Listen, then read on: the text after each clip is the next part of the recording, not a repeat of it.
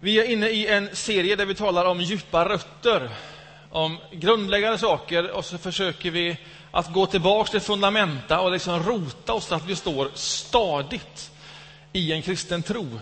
Det är vad vi gör under flera söndagar här och har gjort och jag fortsätter det idag på temat en inre källa. Hur går det till när man köper en bil? Ja, det är naturligtvis väldigt olika.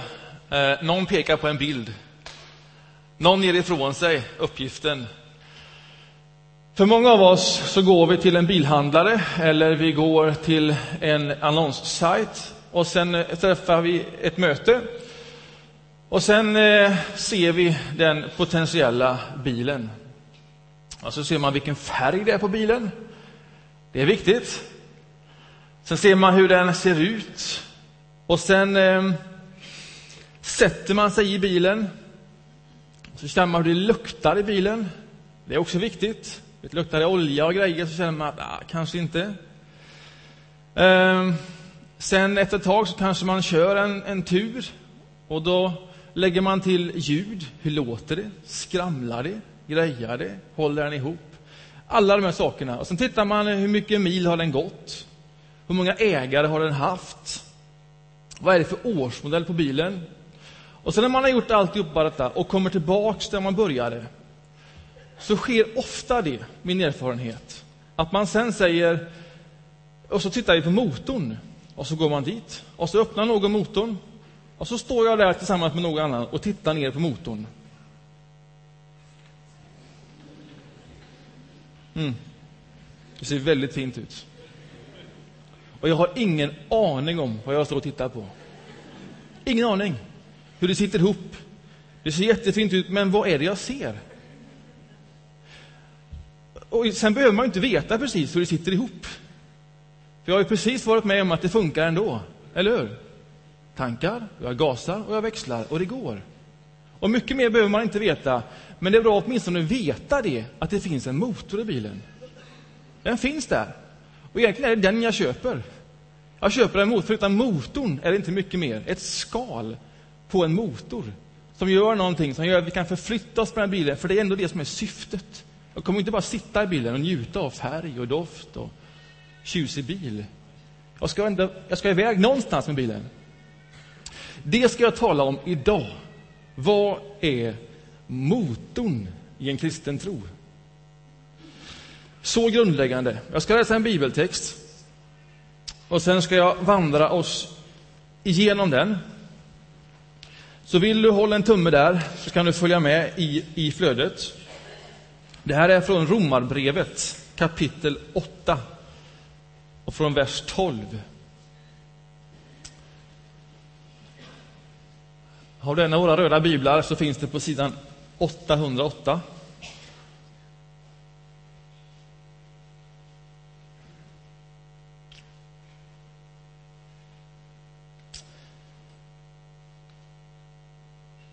Vi har alltså skyldigheter, bröder och systrar, men inte mot köttet, inte att leva efter vår kötsliga natur. Om ni lever på det sättet kommer ni att dö, men om ni med ande dödar kroppens gärningar ska ni leva.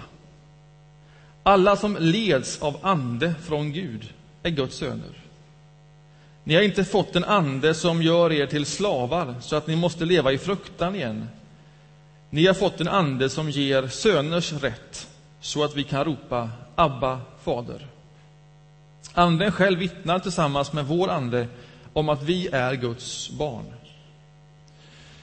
Men är vi barn, då är vi också arvingar, Guds arvingar och Kristi medarvingar, om vi delar hans lidanden för att också få dela hans härlighet.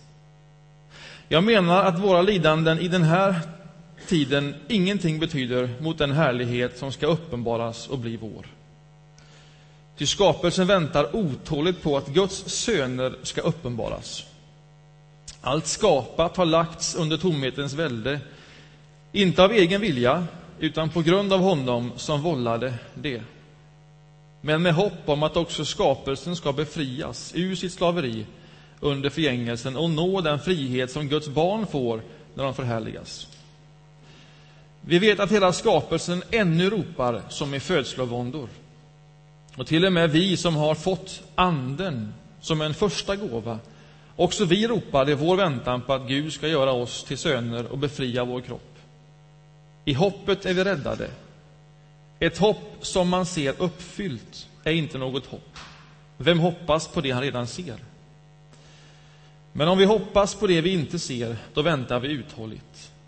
På samma sätt är det när Anden stödjer oss i vår svaghet. Vi vet ju inte hur vår bön egentligen bör vara. Men Anden vädjar för oss med rop utan ord. Och han som utforskar våra hjärtan vet vad Anden menar eftersom Anden vädjar för de heliga så som Gud vill. Amen. Det är en lång text. Jag vandrar igenom den, inte, inte vers för vers, utan mer i innehåll och mer i flyt i hur Paulus resonerar. Det jag vill också göra först, det är att jag vill ta med det vi hittills har sagt om de olika grundläggande sakerna, hur man rotar tron. Och sen vill jag lägga in avsnittet om helig ande som en kraft, en källa, en motor in i det större sammanhanget så man ser vart någonstans hamnar motorn. Motor, källa, helig ande. Vart någonstans hamnar det in i ett kristet liv? Jag ska göra det i racerfart. Är ni med? Alldeles för två söndagar sedan sa vi det här är vår grund. Bibeln är vår grund. Den ger oss vår stora berättelse.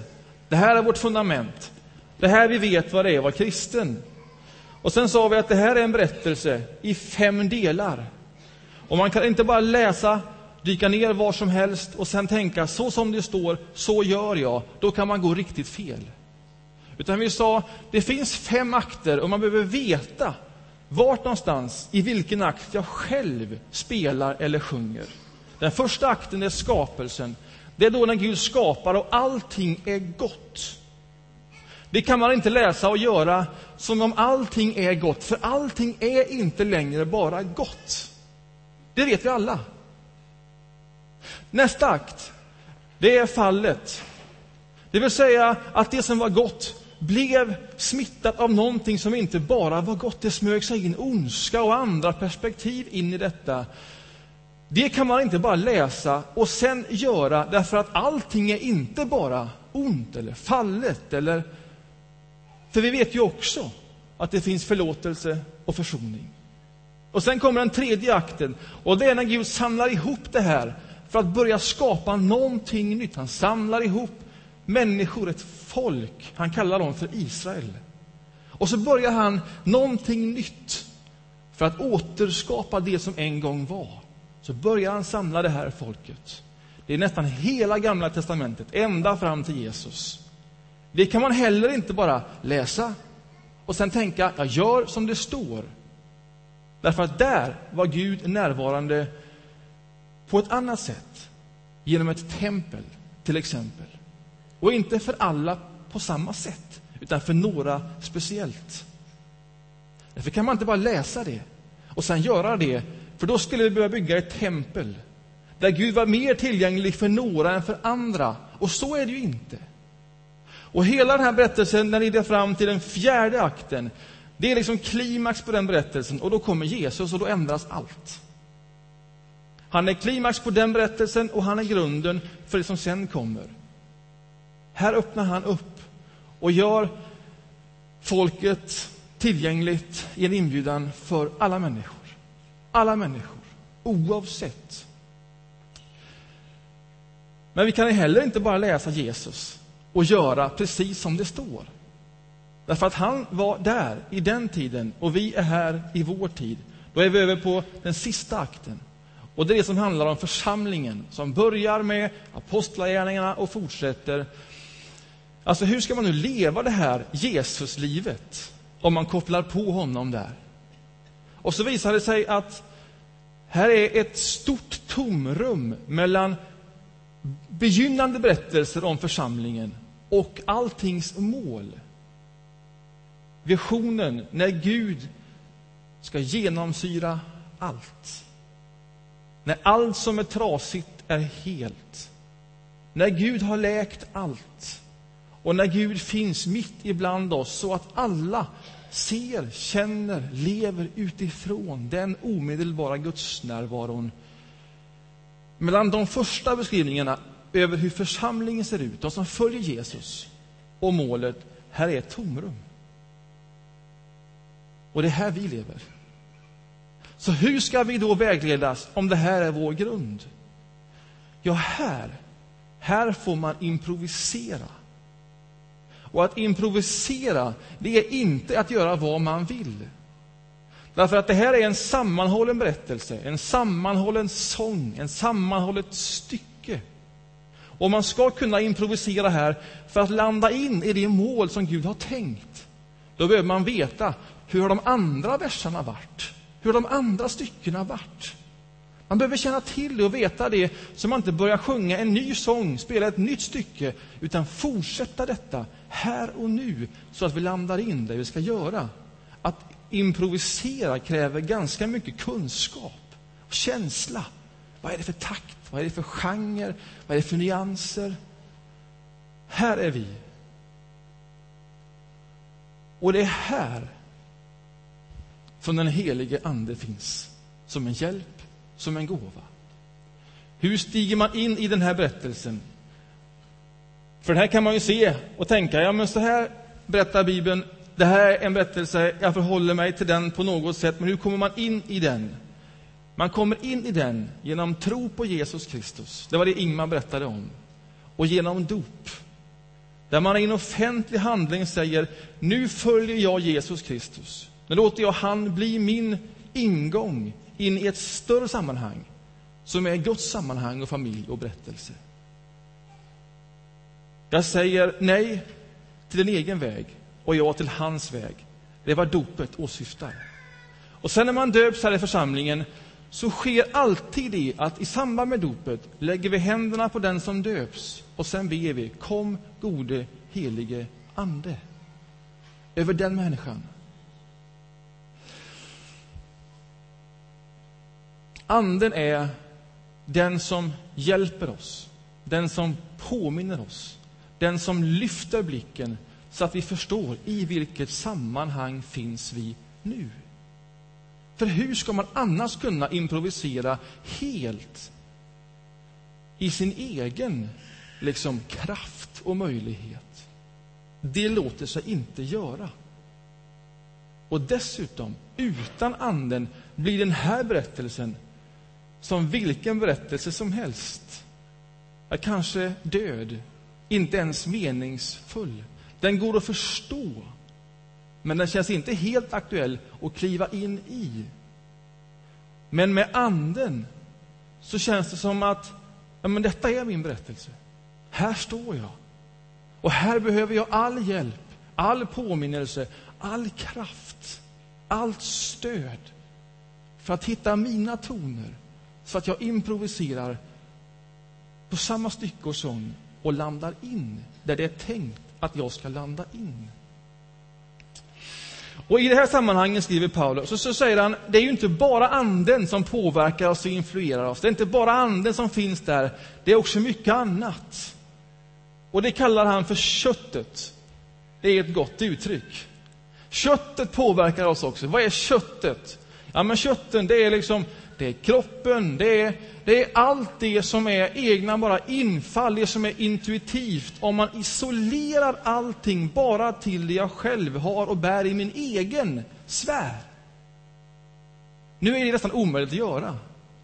Därför att man är påverkad av så mycket hela tiden. Men om man kunde isolera allting bara till min egen, mitt eget kött, min egen kropp, mina egna infall, det som bara kommer intuitivt isolerat så säger han, det här som bara kommer därifrån, det som uppstod i fallet, i den delen, det påverkar också. Och så polariserar han det mot det som också kan påverka och bör påverka anden och ställer han anden och köttet mot varann för att trycka isär dem, för att göra det tydligt vilka krafter det är som finns och hur de kan spela in i ett liv. Det är som om man säger alltså om köttet, om bara det som är utfall och infall, om man låter det bara få spela fritt. Isolera det. Om man polariserar det, vad blir det då? Vad är det för sorts berättelse? Jo, då är det en berättelse som börjar när jag föds och slutar när jag dör. Alltså, det är hela min berättelse om jag isolerar den.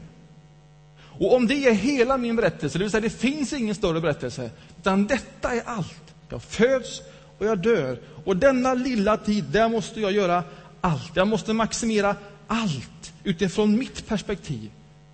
Jag maximerar allting och i bästa fall så spiller det över på välgörenhet. Men om det är hela perspektivet så maximerar jag allt.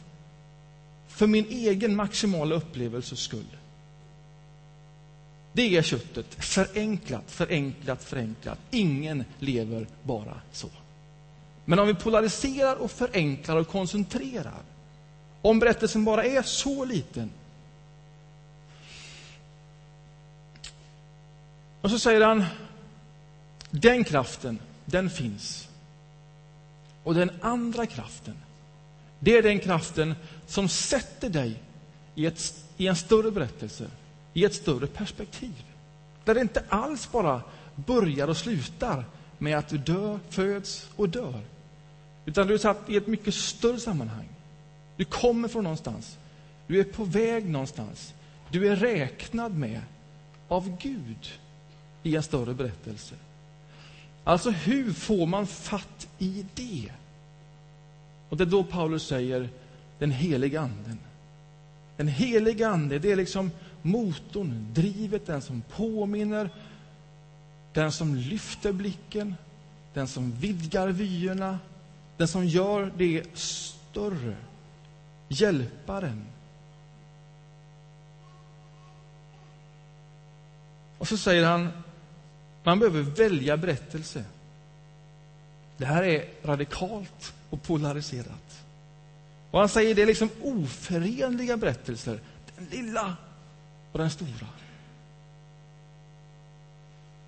Det kan, det kan kännas som att om bara jag får göra precis som jag vill, då har jag maximal frihet. Men det där kanske inte är så fritt som man tror. Det kanske är mer begränsat än vad man tror. Alltså, gör dig av med det slaveriet, säger Paulus, och vinn en större frihet, ett större perspektiv, en större mening. Och hur gör man det? Ja, det gör man inte själv. Det är det Anden gör. Det är det Anden driver. Det är det Anden ger. Vad är det Anden gör? Ja, Paulus säger så här. Anden vittnar tillsammans med vår ande. Det är det första Anden gör. Vad betyder det? Alltså, Anden påminner mitt inre jag, vittnar för mitt inre jag och tillsammans med mitt inre jag. Om vad då? om att Gud inte bara är en distanserad kraft, opersonlig, utan någon som jag kan ha ett släktskap med, som är personlig, som är nära, som är som en far. Det är ingenting man kommer på själv. Det är någonting som sker när man ber om Anden och Anden kommer in så vittnar Anden med min ande, min inre människa och så öppnas mitt perspektiv och så tänker jag, tänk att Gud är nära. Tänk att Gud är personlig. Tänk att jag får förhålla mig till Gud genom Jesus Kristus som en far. En god far.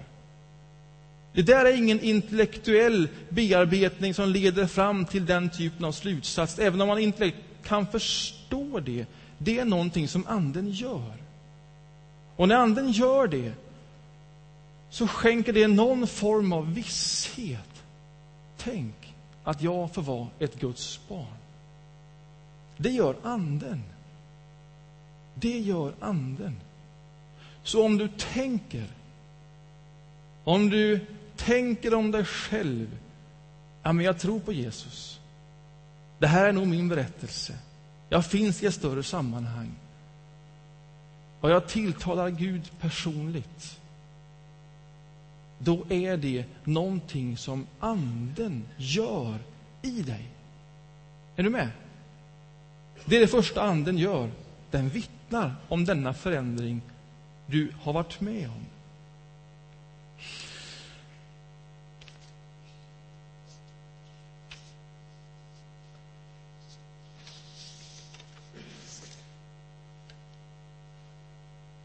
Det andra som Anden gör, vi hoppar över ett stycke. Det andra som Anden gör, det är att när vi då står där och ska improvisera, så är det ju inte bara enkelt. Här är lidande i alla former. Lidande för att vi lever i den tid som vi lever. Lidande för att vi har valt just den här berättelsen. Lidande kanske för att försaka saker som vi vill försaka. Då har inte Anden bara dragit igång någonting, Ge oss en visshet om vår berättelse, utan Anden är också där och stödjer i varje stund. Det är det sista Paulus säger på ett väldigt spännande sätt. Anden ber för oss. Ropar utan ord. Eller suckar utan ord. Suckar är liksom djupare än rop. Rop kan vara bara rop, men suckar och rop, det är någonting som, när man suckar så går det djupare än ett rop. Den här anden den ropar och suckar utan ord. Och Gud, som utforskar våra hjärtan, som känner djupen i varje människa, han förstår det anden ber, suckar och ropar utan ord när Anden ber för oss. Detta är ju ett mysterium. Men tänk så att du står här, du har fått en visshet om att du hör till Gud. Du förhåller dig personligt till Gud. Här är din uppgift. Här ska du improvisera. Här ska du leva ett kristet liv. Då säger inte bara Gud lycka till, utan han säger nu är jag med. Nu är jag med. Jag är förutsättningen för att det här ska vara möjligt. Och i varje stund, i detta nu, så ropar Anden i dig på ett sätt som du inte uppfattar, som du kanske inte förstår. Men därifrån, botten av ditt liv, pågår en bön på ett sätt som Gud förstår han som når ända ner i våra djup. Här ropar djup till djup och vi tänker inte ens på det. Detta sker hela tiden, hela tiden. Det är ett djupt mysterium. Det är som om när anden ges så sätter man igång motorn. Och sen stannar aldrig den motorn. Utan den puttrar hela tiden. Även om du inte kör någonstans så går den på liksom tomgång, konstant. Hela tiden, hela tiden, hela tiden så ber Anden för dig på ett sätt som Gud förstår och vill. Det där är ju väldigt märkligt. Men vet du, jag tror om det inte hade skett, om det inte hade skett att Anden ber för dig konstant hela tiden och sätter dig i förbindelse med Gud, även om du inte är medveten om det, så hade du snart förlorat ett större perspektiv. Och så hade livet igen förminskats till jag föds och jag dör och däremellan ska vi maximera allt. Men bara det att Anden hela tiden verkar så lyfter det blicken, påminner oss i vilket sammanhang vi finns. Anden vittnar, den ger oss visshet. Anden stödjer och ber för oss hela tiden. Och till sist, Anden leder människor. Alla som leds av Ande är Guds söner, säger Paulus. Hur vet man att anden är igång? Hur vet man att motorn puttrar på? Ja, tecknet på det är att man leds av helig ande. Alltså, vad betyder det där? Hur leds man av helig ande? Alltså, hur gör sig motorn påmind? Hur får man liksom fart på den? Hur kommer man någonstans? Anden gör sig påmind genom tankar, genom idéer, genom drömmar, genom visioner, genom bilder, genom känslor. Och allt detta uttrycks sen genom din personlighet och din begåvning. Så gör sig Anden påmind. Så leder Anden. Den här gudstjänsten är ju ett sånt vittnesbörd. Alltså de sånger som vi hör, som Helene sjunger, det är precis så Anden leder. Det är så man får fart på motorn. När man hör någonting, fångar in det och låter det sen komma ut genom min person och genom min begåvning och den som jag är just nu. Och att man inte blir någon annan än den man är, utan just genom den som jag är, trogen den som jag är. Våga tro att Anden som hela tiden arbetar i ditt liv också kan ta dig ett steg och leda dig vidare. Du behöver inte bara gå på tomgång, även om det är gott också. Och sen kommer naturligtvis alla frågor då. Hur vet jag vad som är från anden? Då är mitt råd så här. Bekymra dig inte så mycket över det. Bekymra dig inte så mycket över det. Jag tror att allt för mycket bekymmer över hur jag ska veta gör att du leds mindre. Därför att du kommer aldrig veta helt. Du kommer aldrig hundra procent veta, detta är anden, nu gör jag, nu sjunger jag, nu skriver jag. Och dessutom, när du agerar, så kommer det aldrig vara hundra procent ande. Det är alltid uppblandat med dig själv och egna konstiga motiv. Såna är vi som människor. Det är så det är, där vi improviserar. Så bekymra dig inte så mycket över det. Kan man göra vad som helst? Nej, man kan inte göra vad som helst. Man kan inte sjunga en ny sång, utan det är en sång som börjar med skapelsen och det ska bli en ny skapelse. Och så länge man sjunger samma sång, ja då kan man nästan göra vad som helst här. Alltså du har ett strålande ramverk. Gör dig lite hemma i det ramverket. Och över det ramverket, Bibeln, så har du också en församling. Och församlingen, de finns som en gåva för att pröva det som du tror Anden ger och leder. Den möjligheten och ansvaret är lagt i församlingen. Och den som inte vill utsätta sig själv för prövning och korrigering, ja, men där går varningsflaggorna igång.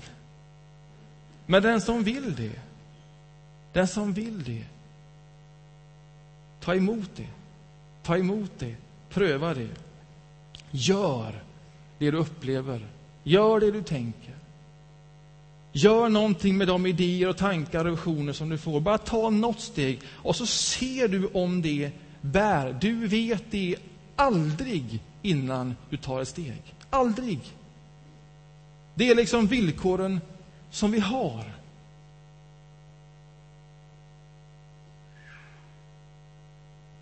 Motorn har du inom dig. Den är redan igång. Om du sagt ja till Jesus, tagit emot helig ande, den, den står där, den puttrar och den håller på. Men den vill mer än så. Den vill få lagt i en växel och få lite utväxling på det och komma någon vart.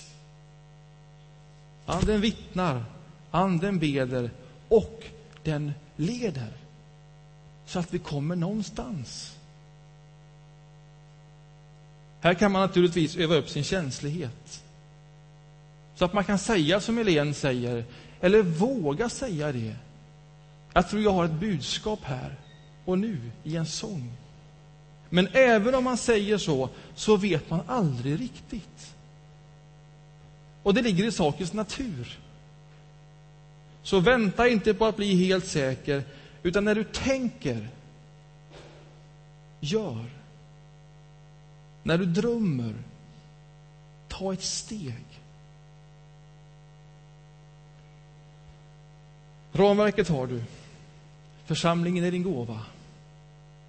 Gör och se om det bär. Och jag tror du blir förvånad mer än en gång.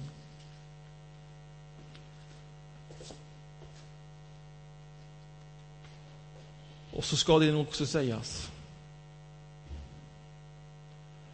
att ofta leds du nog av Anden mer än du tror. Att det sker intuitivt hos den människan där i Anden hela tiden ber och stöder. Och man behöver inte heller veta precis. Men ibland kan man veta, och då går man. Amen. Vi ber en bön.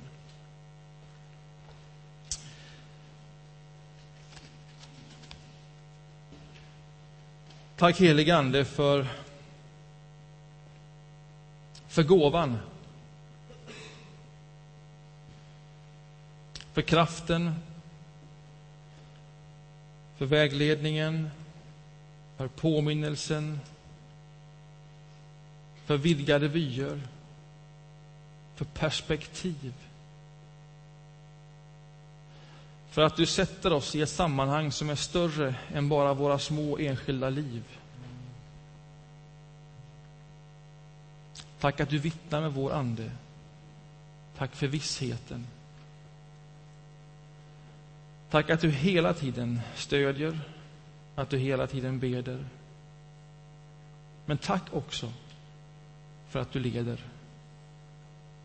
För att du låter oss tänka, ana, drömma, känna. Ge oss då den tro vi behöver för att tro just detta om dig och ta de steg som vi behöver ta ledda av dig. Amen.